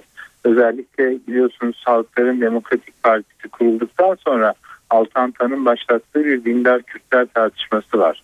E, BDP'liler e, BDP'nin içinde BDP'ye oy veren ama hani sol ya da sosyal demokrat ya da sosyalist olmayan Kürtlerin, dindar Kürtlerin e, bu tür manevralarla BDP'den koparılmak istendiğine dair bir iç politika algısı oluşmuş. E, dış politikada da biliyorsunuz e, Suriye mevzusu var. E, Suriye'de de PYD, PKK'ya yakınlığıyla bilinen PYD ile Barzani'nin arası oldukça açık. Şimdi dış politikada da Barzani'nin buraya e, getirilerek e, Barzani'den yana bir tercih konularak Suriye'deki Kürtlere Kürt çevrildiğine dair bir yorum var. Yani hem iç politika açısından hem dış politika açısından BDP bir e, ziyarete bir mesafe koymuş durumda. Halbuki bugüne kadar e, Barzani BDP için e, ideolojik olarak tam benimsenmese de e, önemli bir siyasi figürdü. Çünkü Kürtler arasında dört değişik ülkede yaşayan Kürtler arasında en hızlı mesafe kat eden ve e, federatif anlamda bir güçlü bir devlet e, yapılanması kuran ilk liderdi. E, onu kendilerine bir referans olarak almaktaydılar. E, dolayısıyla her türlü saygıyı göstermekteydiler. E, yine o saygıyı gösteriyorlar ama bu kez e, kendilerinden değil Türkiye hükümetinden yana bir tavır koymakla suçluyorlar. Peki Sayın Zeyrek e, haber bugün basına yansıdı. Suriye'nin kuzeyinde PYD güçleri özerk bir yönetim oluşturdu. Ahmet Davutoğlu PYD'nin özerklik ilanı başka bir iç savaşa sebep olabilir demişti. Türkiye buna ne diyecek? Kırmızı çizgi açıldı, aşıldı mı sizce? Şimdi burada PYD'nin tabii bu e, ilanının e, ne kadar e, fiiliyata geçeceği önemli. Davutoğlu'nun Amerika seyahati var biliyorsunuz. E, benim diplomatik çevrelerden gözlemlediğim kadarıyla e, PYD bunu bir manevra e, olarak yapıyor. En azından buralarda böyle algılanıyor. PYD'nin e, bu özellik ilanıyla e, ne Esad'dan yana ne muhalefetten yana bir tavırla e, iç savaşta tarafsız kalma yolunu seçiyor. Bir devletleşmeden öte bir tarafsızlık gibi ve bu tür oluşumlar da genellikle e, işin sonunda kazanandan yana e, olurlar. Belki de yani benim gözlemlediğim kadarıyla e, Amerikalılar da Avrupalılar da Ankara'daki e, Türk diplomasisi de PYD'nin bu manevrasının farkında. Ben e, açıkçası bu özellik ilanının e, batıda çok yankı uyandıracağını zannetmiyorum. Yani Barzani'nin Irak'ın kuzeyinde özel bir yapılanmaya gittiğinde Amerika'dan gördüğü itibarı e, bugün e, e, Müslüm Salih'in e, görmesi pek de e, yakın bir gelecekte mümkün görünmüyor. Tekrar Irak başlığına dönecek olursak genel fotoğrafa baktığımızda Türkiye bölgesel Kürt yönetiminin yanı sıra merkezi Bağdat yönetimiyle de ilişkilerini geliştirmek istiyor. Sıfır sorun argümanının içi yeniden dolar mı Sayın Zeyrek? Ee, bu elbette ki biraz zorunluluktan da kaynaklandı. Yani Türkiye öyle bir noktaya geldi ki e, bölgedeki dört önemli ülkede e, ikisinde büyükelçisi yoktu. İkisindeki büyükelçisi de atıl durumdaydı. Yani Mısır'da ve Irak'ta büyükelçiler atıl durumdaydı. Suriye'de ve İsrail'de büyükelçimiz yoktu. Bu Türkiye'nin güney hattı açısından çok riskli bir diplomasi e, manzarasıydı. Dolayısıyla da düzenmesi gerekiyordu. Amerikalıların da zaten Maliki ile ilgili Türkiye'ye ciddi eleştirileri vardı. Çünkü Türkiye ile arası açılan Maliki İran'a yaklaşıyordu. Ee, şimdi e, kimse belki fark etmedi ama e, Dışişleri Bakanı Ahmet Davutoğlu'nun Irak ziyareti şöyle bir manzara ortaya çıkardı. Bağdat e, gittikçe e, Şiileşmiş ve İran'a benzemiş. Dolayısıyla da Irak'taki normalleşme açısından da Türkiye'nin Bağdat'la iyi ilişkiler kurması gerekiyor. Birinci boyutu bu. İkinci boyutu da Kuzey Irak'la ilgili enerji anlaşmaları, doğal gaz anlaşmaları bunların hayata geçire, geçirilebilmesi için Bağdat'ın onayı şart. şart. Yani Amerika'nın da desteği için Bağdat'ın onayı şart. Dolayısıyla da Bağdat'ta böyle bir yakın ilişki kurmadan tek başına Erbil'le e, Kürt bölgesel yönetimiyle bunu tesis etmek imkansız. Ve Ankara'da bunu görecek kapasitede ve e, yani bütün o e, ağır sözlere, ağır eleştirilere rağmen ki hatırlayın e, Dışişleri Bakanı'nın ve Başbakanı'nın Maliki'ye yönelik sözlerini e, bir geri adım söz konusu. Yani bir e, tamamen 180 derece e, ters e, bir yeni bir politika var ki bu da doğru bir politika. Yani normalleşme şu anda Türkiye'nin ihtiyaç duyduğu bir şey. E, ben e, bu dengenin kurulmasının Türkiye'nin Irak'ın bütünüyle ilişkilerini daha da e, ileriye götüreceği izlenimi edindim. Peki son olarak siyasi gündemle e, ilgili bir soru yöneltelim. Öğrenci evleri tartışmasında Başbakanla yardımcısı e, Bülent Arınç fikir ayrılığına düştü. Bu size göre partide sıkıntı doğurur mu? Ee, yani Başbakan Tayyip Erdoğan bu kadar güçlüyken zor. Hı hı. Yani Bülent Arınç açısından bir sıkıntı doğurabilir. Eğer Başbakan geri adım atmazsa o da geri adım atmazsa Bülent Arınç açısından sıkıntı doğurabilir. Ama AK Parti'nin geneli açısından bir çatlama ya da Bülent Arınç'la birlikte partinin bir kısmının e, yollarına ayrılması vesaire gibi bir sonuç doğuracağını zannetmiyorum. E, çünkü e, Başbakan da dün grup toplantısında çok net ve diplomatik ifadelerle dile getirdi. E, yani e, bu tür davranışlarda bulunanlar işte kurulmuş yapraklar gibi partiden uzaklaşırlar rüzgarlarla birlikte mesajını verdi. E, iktidar bu kadar e, e, eldeyken e, ve gelecekte de yakın görünürken e, ben e, AK Parti'nin siyasi tabanının e, güçten yana tercihte bulunacağını dolayısıyla da başbakanın yanında e, kalmaya devam edeceklerini düşünüyorum. Arınç da vicdanıyla, onuruyla e, yaptığı çıkışla e, anılacaktır. Peki çok teşekkürler Sayın Zeyrek yayınımıza katıldığınız için. İyi yayınlar. Teşekkürler. Radikal Gazetesi Ankara temsilcisi Deniz Zeyrek bizimleydi. NTV Radyo Kerbela'da şehit edilen Hazreti Hüseyin ve beraberindekiler evrensel aşure matem merasimiyle anıldı. Her yıl Halkalı'da düzenlenen aşure etkinliğine Caferi temsilcilerin yanı sıra bu yıl Meclis Başkanı Cemil Çiçek ve CHP lideri Kemal Kılıçdaroğlu da katıldı. İki isim de İslam dünyasında yaşanan ayrılığın son bulmasını istedi. Birlik beraberlik mesajları verdi. Benim zalimim iyidir anlayışı Müslümanlıkta yoktur. Zulme rıza zulümdür. Bu cennet vatanda birbirimizin değerini daha iyi anlamalıyız. Hiçbir ayrım yapmamalıyız. Kimseyi ne inancından ne etnik kökeninden dolayı kıramamalıyız. Camiler de bizimdir, cemevleri de bizimdir.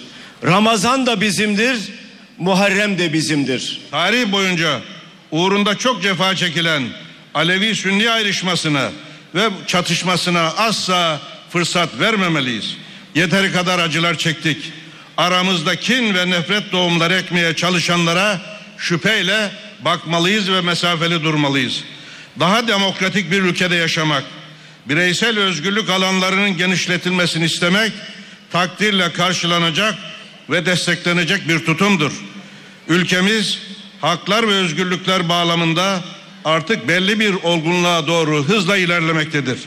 Bu anlamda farklı inançlara mensup grupların sorunları ve talepleri daha fazla geciktirilmeden birlikte uzlaşarak anlaşarak çözülmelidir. Galatasaray ve Türk milli takımının unutulmaz ismi Doğan Koloğlu vefat etti. 86 yaşında hayata gözlerini yuman Koloğlu'nun cenazesi Cuma günü toprağa verilecek. Galatasaray'da futbolculuk yaşamının yanı sıra antrenörlük de yapan Doğan Koloğlu daha sonra spor medyasına geçmişti. Akşam gazetesinde çalışan, Hürriyet'te spor müdürlüğü yapan ve Milliyet'te uzun süre spor yazarlığını sürdüren Doğan Koloğlu birçok ödülün de sahibiydi. Şike davasının temiz safhasında adım adım sona geliniyor. Yargıtay tarafından usul yönünden eksiklik sebebiyle İstanbul 16. Ağır Ceza Mahkemesi'ne gönderilen dosyanın eksiklikleri tamamlandı. Dosya yeniden Yargıtay'da. Şimdi Yargıtay Hakimi Bahri Demirel'in başkanlığını yaptığı daire dosyayı en baştan inceleyecek ve karara bağlayacak. İstanbul 16. Ağır Ceza Mahkemesi aralarında Fenerbahçe Kulübü Başkanı Aziz Yıldırım'ın da olduğu 48 sanığın çıkar amaçlı suç örgütü kurmak, şike, teşvik, tehdit ve rüşvet vermek gibi suçlardan 5 ay ila 4 yıl 7 ay arasında değişen hapiste cezalandırılmasına karar vermişti. Futbolda şike davası dosyasının temiz için gönderildiği Yargıtay 5. Ceza Dairesi dosyayı usul eksikliği nedeniyle mahkemeye geri yollamıştı. Saat 18.36 eve dönerken de gelişmeleri aktarmaya devam ediyoruz. Tayfunun vurduğu Filipinler'de halk yardım bekliyor. Tayfunun en fazla vurduğu Tacloban kentinde sokaklar hala cansız bedenlerle dolu. İnsanlar kenti terk etmek için havaalanına akın ediyor. Güvenlik güçleri bir yandan halka yardım ederken öte yandan da yağmaya karşı mücadele veriyor. Filipinler Haiyan tayfununun yaralarını sarmaya çalışıyor. Tayfunun yerle bir ettiği Tacloban kentinde sokaklar cansız bedenlerle dolu. Halk acil yardım bekliyor. Gerçekten çok zor. Çünkü suyu kırdığımız bir yeraltı borusundan sağlıyoruz. Güvenli olup olmadığını bilmiyoruz. Kaynatmak zorundayız ama yine de en azından suyumuz var. Halk kentten ayrılabilmek için havaalanına akın ediyor. Artık evimiz yok. Kentte çok kötü koku var. Sokaklardaki cansız bedenleri toplayan yok. Cezaevindekiler kaçtı. Evlerde cinsel saldırı ve soygunların olduğu belirtiliyor. Her geçen gün enkaz altında bulunan cansız beden sayısı da artıyor. Tüm bu olumsuzlukların yanında en büyük sorunlardan biri de yağmacılar. Güvenlik güçleri Tayfun'dan 5 gün sonra ilk defa silahlı yağmacılarla çatıştı. Felaketin ardından yaşam mücadelesi verenlerse hala yaşadıklarının etkisinde. Ses duyduk. Büyük bir ses. Su yükseldi. Sonra biz de panik olduk. Dalgayı gördük. Büyük dalga. Ne yapacağımızı bilemiyorduk. Ne olacağını bilmiyorduk. Yakınlarını kaybedenler de sevdiklerini son yolculuğuna uğurluyor. Babasını, eşini ve kızını kaybeden, annesi ise hala bulunamayan Hernando Unida onlardan biri. Dalgalar çok büyüktü ve sonra da yağmur yağdı. 11 milyon kişinin tayfundan etkilenmiş olabileceğini açıklayan Birleşmiş Milletler felakette yaklaşık 700 bin kişinin de evlerini terk ettiğini açıkladı. Almanya'da Yeşiller Partisi eş başkanı Cem Özdemir, koalisyon görüşmesinin gerçekleştiği Hristiyan Demokrat Parti Birlik Partisi Genel Merkezi önünde Türklere çifte vatandaşlık hakkının verilmesi için eylem yaptı. Sosyal Demokrat Parti'ye seslenen Özdemir, SPD sıkı pazarlık yapıp ülkenin modernleşmesi için çifte vatandaşlığı kabul ettirmeli dedi. Çifte vatandaşlık için 100 binden fazla imza toplayarak SPD Genel Başkanı'na sunan Berlin Türk Cemaati Başkanı Bekir Yılmaz ise SPD verdiği sözü tutmalı. SPD Başkanı çifte vatandaşlık kampanyasına imza atarak destek verdi. Şimdi imzasının arkasında durmasını bekliyoruz dedi. Avrupa'da ikinci kez bir bakana maymun benzetmesinde bulunuldu. Fransa'da ülkenin aşırı sağ eğilimli haftalık gazetesi Menüt bugün çıkan sayısında Guyana kökenli Adalet Bakanı Christian Taubira için manşetten maymun gibi kurnaz Taubira muzu buldu ifadelerini kullandı. Fransızca'da muzu bulmak ya da muza sahip olmak formuna kavuşmak anlamına da geliyor. Hükümet derginin bu ırkçı ifadeleri nedeniyle Cumhuriyet Başsavcılığına soruşturma başlatması için başvuru başvuruda bulundu. Daha önce de İtalya'da bir bakan maymuna benzetilmişti. İspanya ve Yunanistan'ın ardından Avrupa Birliği üyesi ülkelerden olan Malta'da birlik vatandaşı olmayanlara vatandaşlık vereceğini duyurdu. Ancak bunun için belli bir meblağ ödemek gerekecek. O paha 650 bin euro. Malta Başbakanı parlamentonun da onay verdiği uygulamayla Avrupa Birliği vatandaşı olmayan zengin yatırımcıları ülkeye çekmeyi hedeflediklerini söyledi.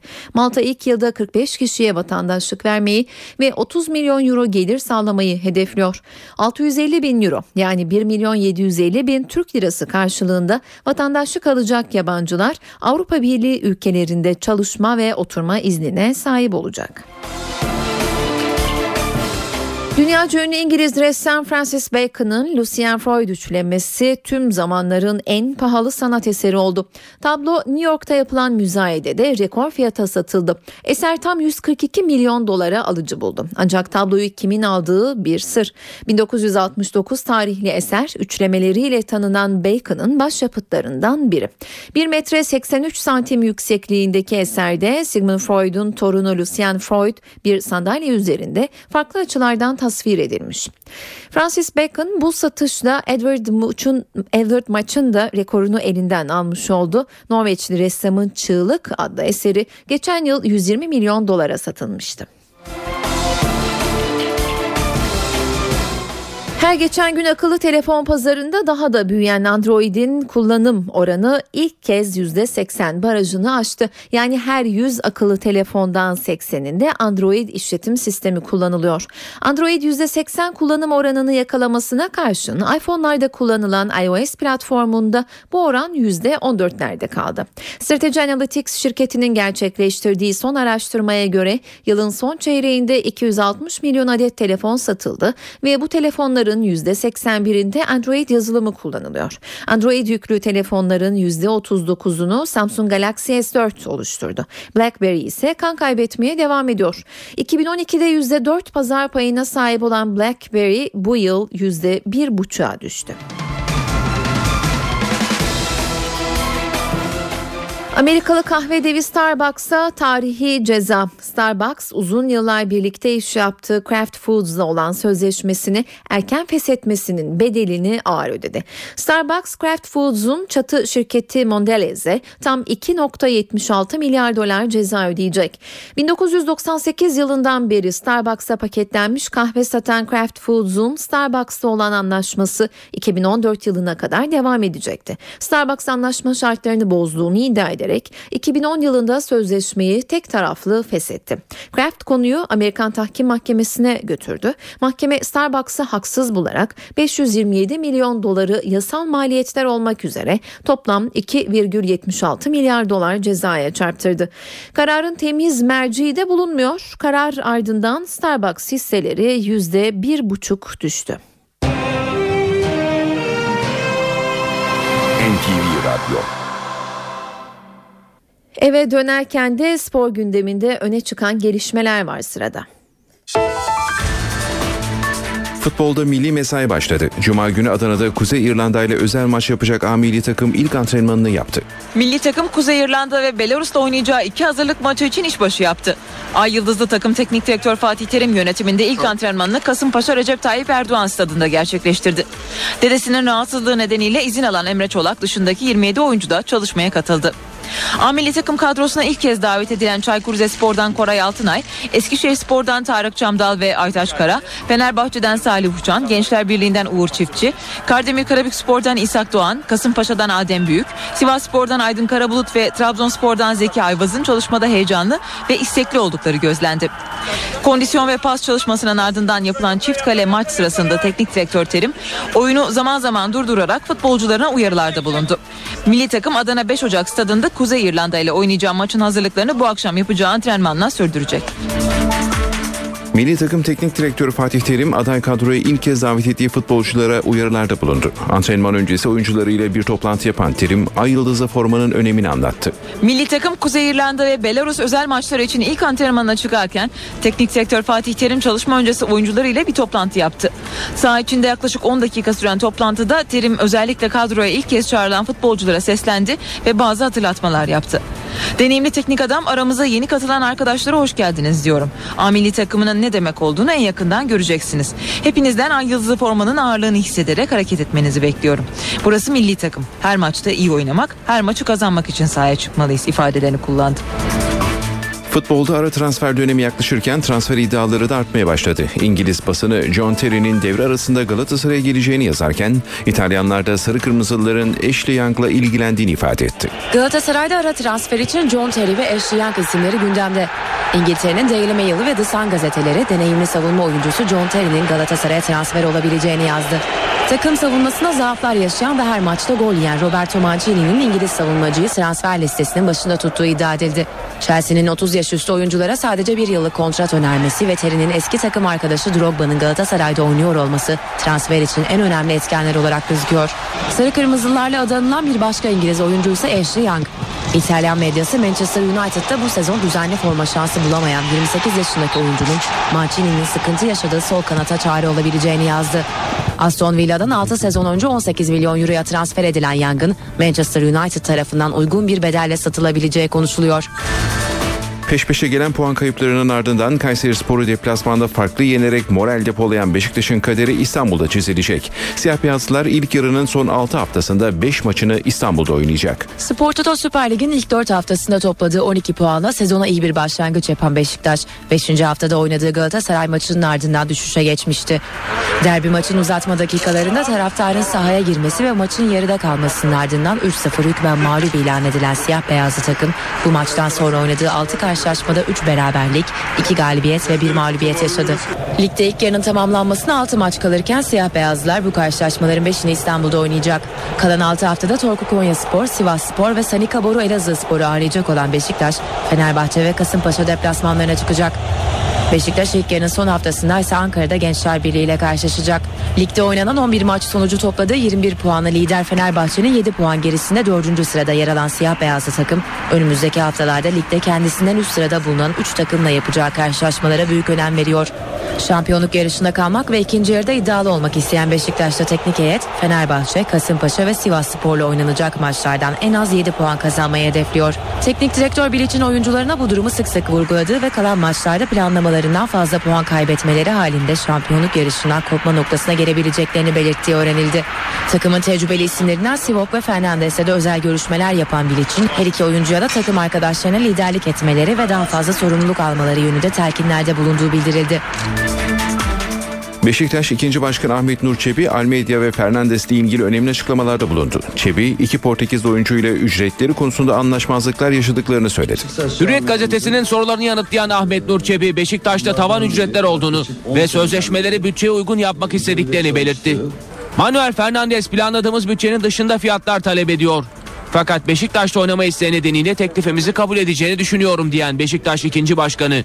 Almeida'da vermek istediğimiz ücretin çok uzağında. Her iki oyuncuyla görüşmelerimiz sürüyor ifadelerini kullandı. Profesyonellik gereği kadroya müdahalede bulunamayacağını vurgulayan Ahmet Nur Çebi, ancak bir yönetici olarak yaptığımız transferlerin değerlendirilmesini ve takıma kazandırılması gerektiğini düşünüyorum. Bu sadece benim görüşümdür. Profesyonel kadrolara etki edecek tavır ve davranışlarda bulunmam dedi. Ronaldinho transferine de değinen ikinci başkan Çebi. Ronaldinho ile görüşme yapmak üzere etkilendirildim. Üzerime düşeni yapmaya devam ediyorum ancak bu transfer bütçemizin kabul edilebileceği sınırlar içinde olmalı. Halen de bunu sağlamak için mücadele ediyorum şeklinde konuştu.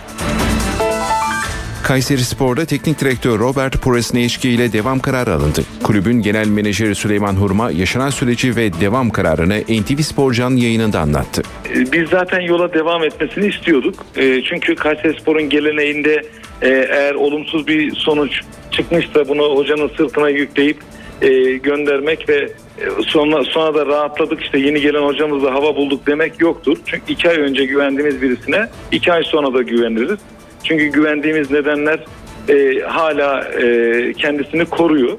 Dolayısıyla çok başarılı olacağımıza inanıyorum. Ortada bir başarısız sonuç var ama bunun sonucun nedenleri e, tüm futbol kamuoyunun malumu. E, gayet tabii ki yapılmış hatalar da söz konusu olabilir. Onları da nasıl düzeltmemiz gerektiğini bilen insanlarız. E, dolayısıyla e, yolumuza devam edeceğiz. İnşallah çok başarılı da olacağız. Yani takımının sonuncu olması e, onun bir hamle yapmasını gerektirdi. Duygusal olarak da dedi ki e, ben takımın teknik direktörü olduğum için e, burada da kötü sonuçlar var. Sebepler ne olursa olsun bu sonuçları değiştirmedi.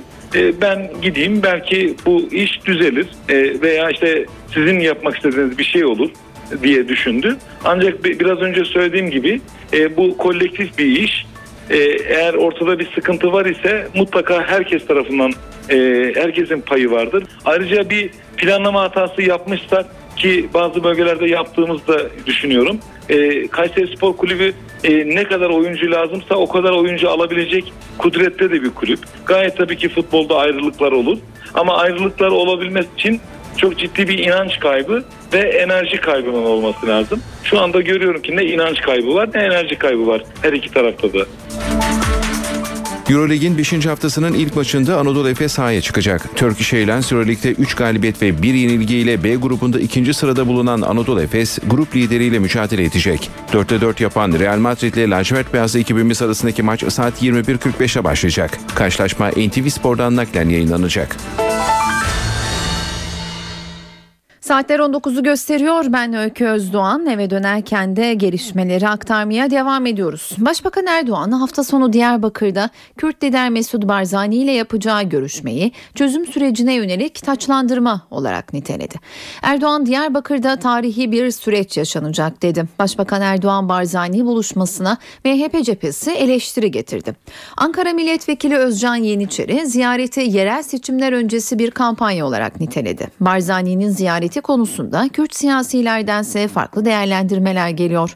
Demokratik Toplum Kongresi eş başkanı Ahmet Türk, Barzani'nin Başbakan Erdoğan'la birlikte gelmesinin tartışmalara yol açacağını söylemişti.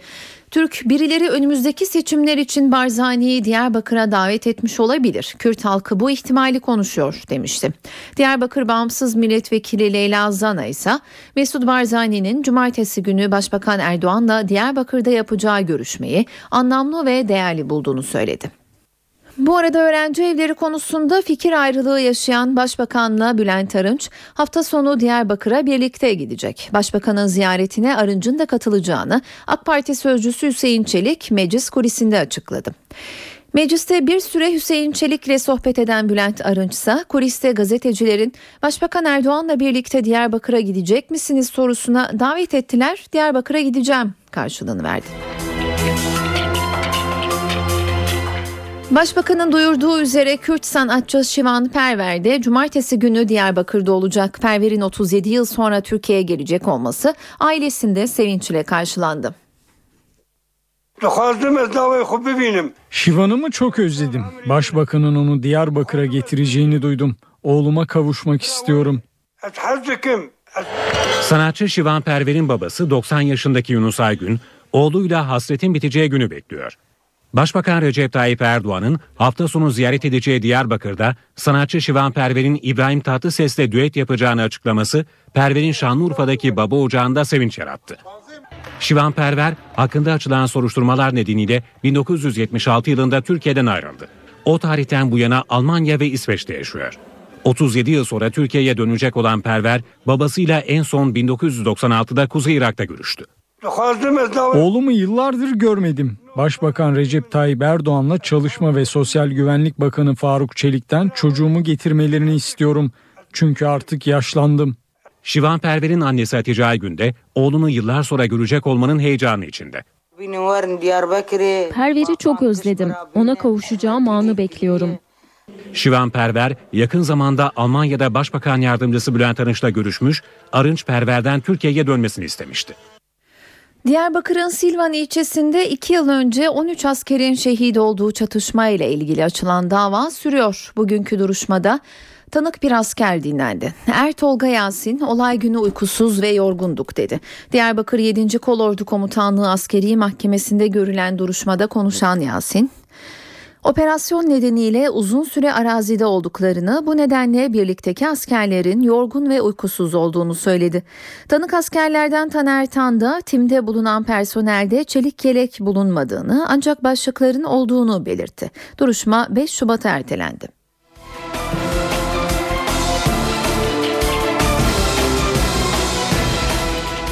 Avrupa İnsan Hakları Mahkemesi Türkiye'yi bundan 20 yıl önce Şırnak'ta gerçekleşen hava saldırısı konusunda mahkum etti. Adalet Bakanı Sadullah Ergin'in Strasbourg temaslarına bu konu damgasını vurdu. Ergin karar sonrasında konu hakkındaki genel soruşturmanın yeniden başlayabileceğini söyledi. Strasbourg'da Avrupa Konseyi Genel Sekreteri ile ortak basın toplantısı düzenleyen Ergin, mahkemenin dün Ankara'yı suçlu bulduğu kararını yorumladı. Ergin 4. yargı paketinde etkin soruşturma yapılması yönünde bir ahim kararı olu kararı olursa davacıların talebi üzerine Türkiye'de soruşturma sürecinin yeniden başlatılabilmesi öngörülüyor. Dolayısıyla soruşturma tekrar başlayacaktır dedi. Türkiye Suriye'den gelecek olası füze saldırılarına karşı geçen yıl NATO'dan istediği Patriot füzelerinin bir yıl daha kalması için NATO Genel Sekreteri Anders Fogh Rasmussen'e mektup gönderdi. Dışişleri yetkilileri Rasmussen'e geçen hafta gönderilen mektupta genel sekreterden patriotları Türkiye'ye gönderen Almanya ve Hollanda nezdinde gerekli girişimlerin yapılmasının istendiğini söyledi. Ankara Patriotların süresinin uzatılmasında herhangi bir sıkıntı yaşanmayacağı görüşünde. Ancak Patriotların bir yıl daha Türkiye topraklarında kalabilmesi için Almanya'nın konuyu yine federal parlamento gündemine getirmesi bekleniyor. Revize edilmiş tam gün düzenlemesi gelecek hafta Meclis Genel Kurulu'na geliyor. Açıklama Sağlık Bakanı Mehmet Müezzinoğlu'ndan geldi. Bakan ilaçta sabit kur nedeniyle kalitenin düştüğü iddialarını da yalanladı.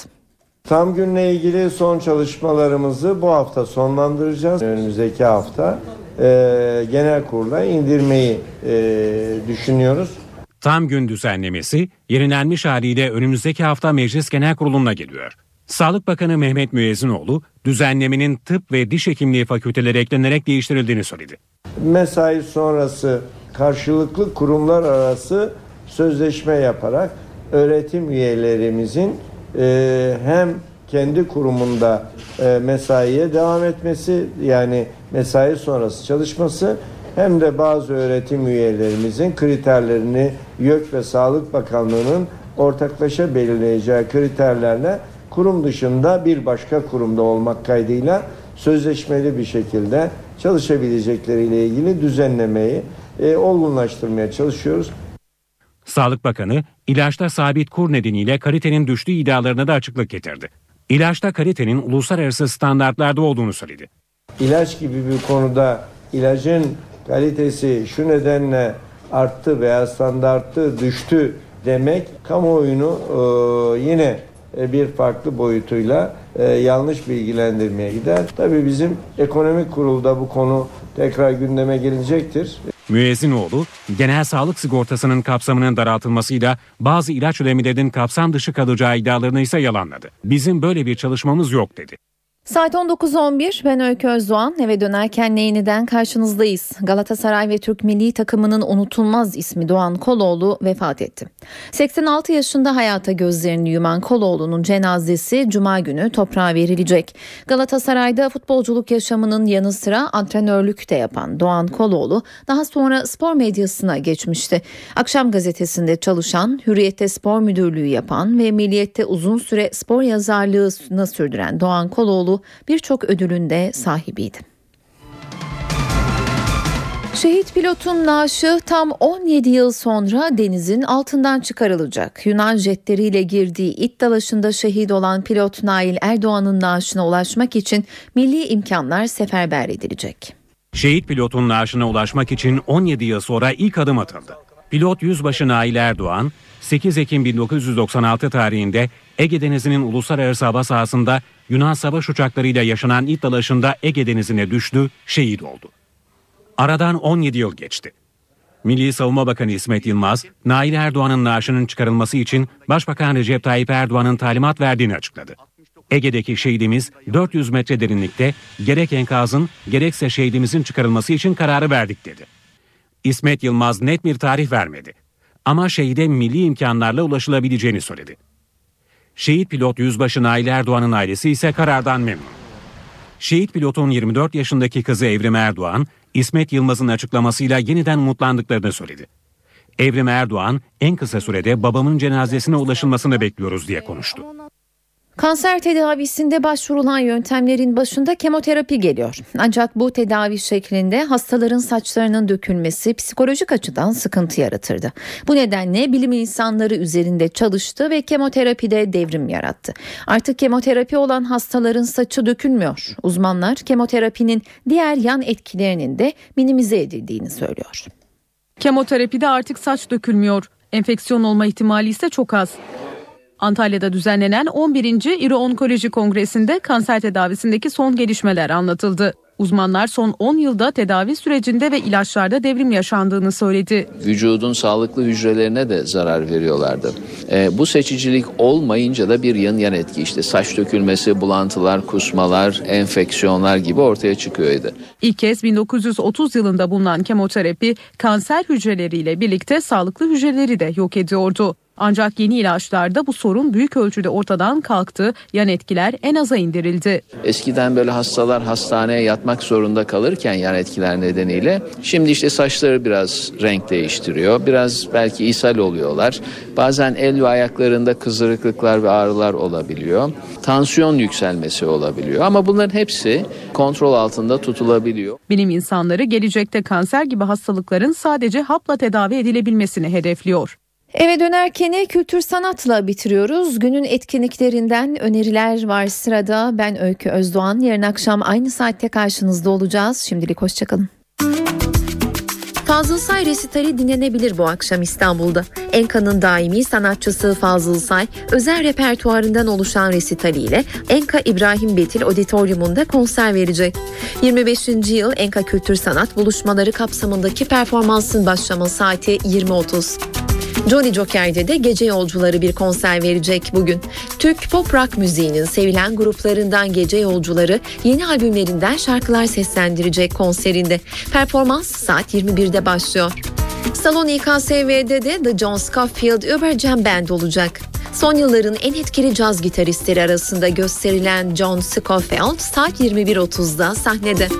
4x4'te Beyoğlu Hayal Kahvesi'nde sevenleriyle buluşuyor. Sevilen rock grubu saat 22.30'da başlayacak performansına.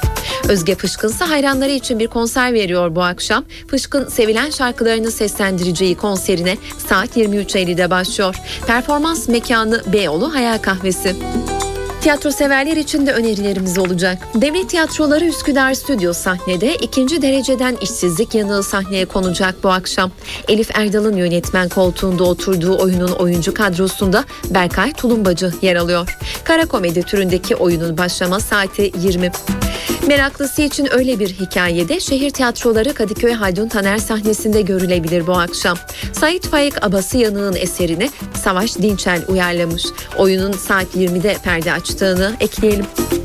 Bu akşam evdeyseniz CNBC'de saat 22'de The Newsroom, 23'te ise Mad Men izlenebilir. Star TV'de ise saat 20'de Muhteşem Yüzyıl ekrana gelecek.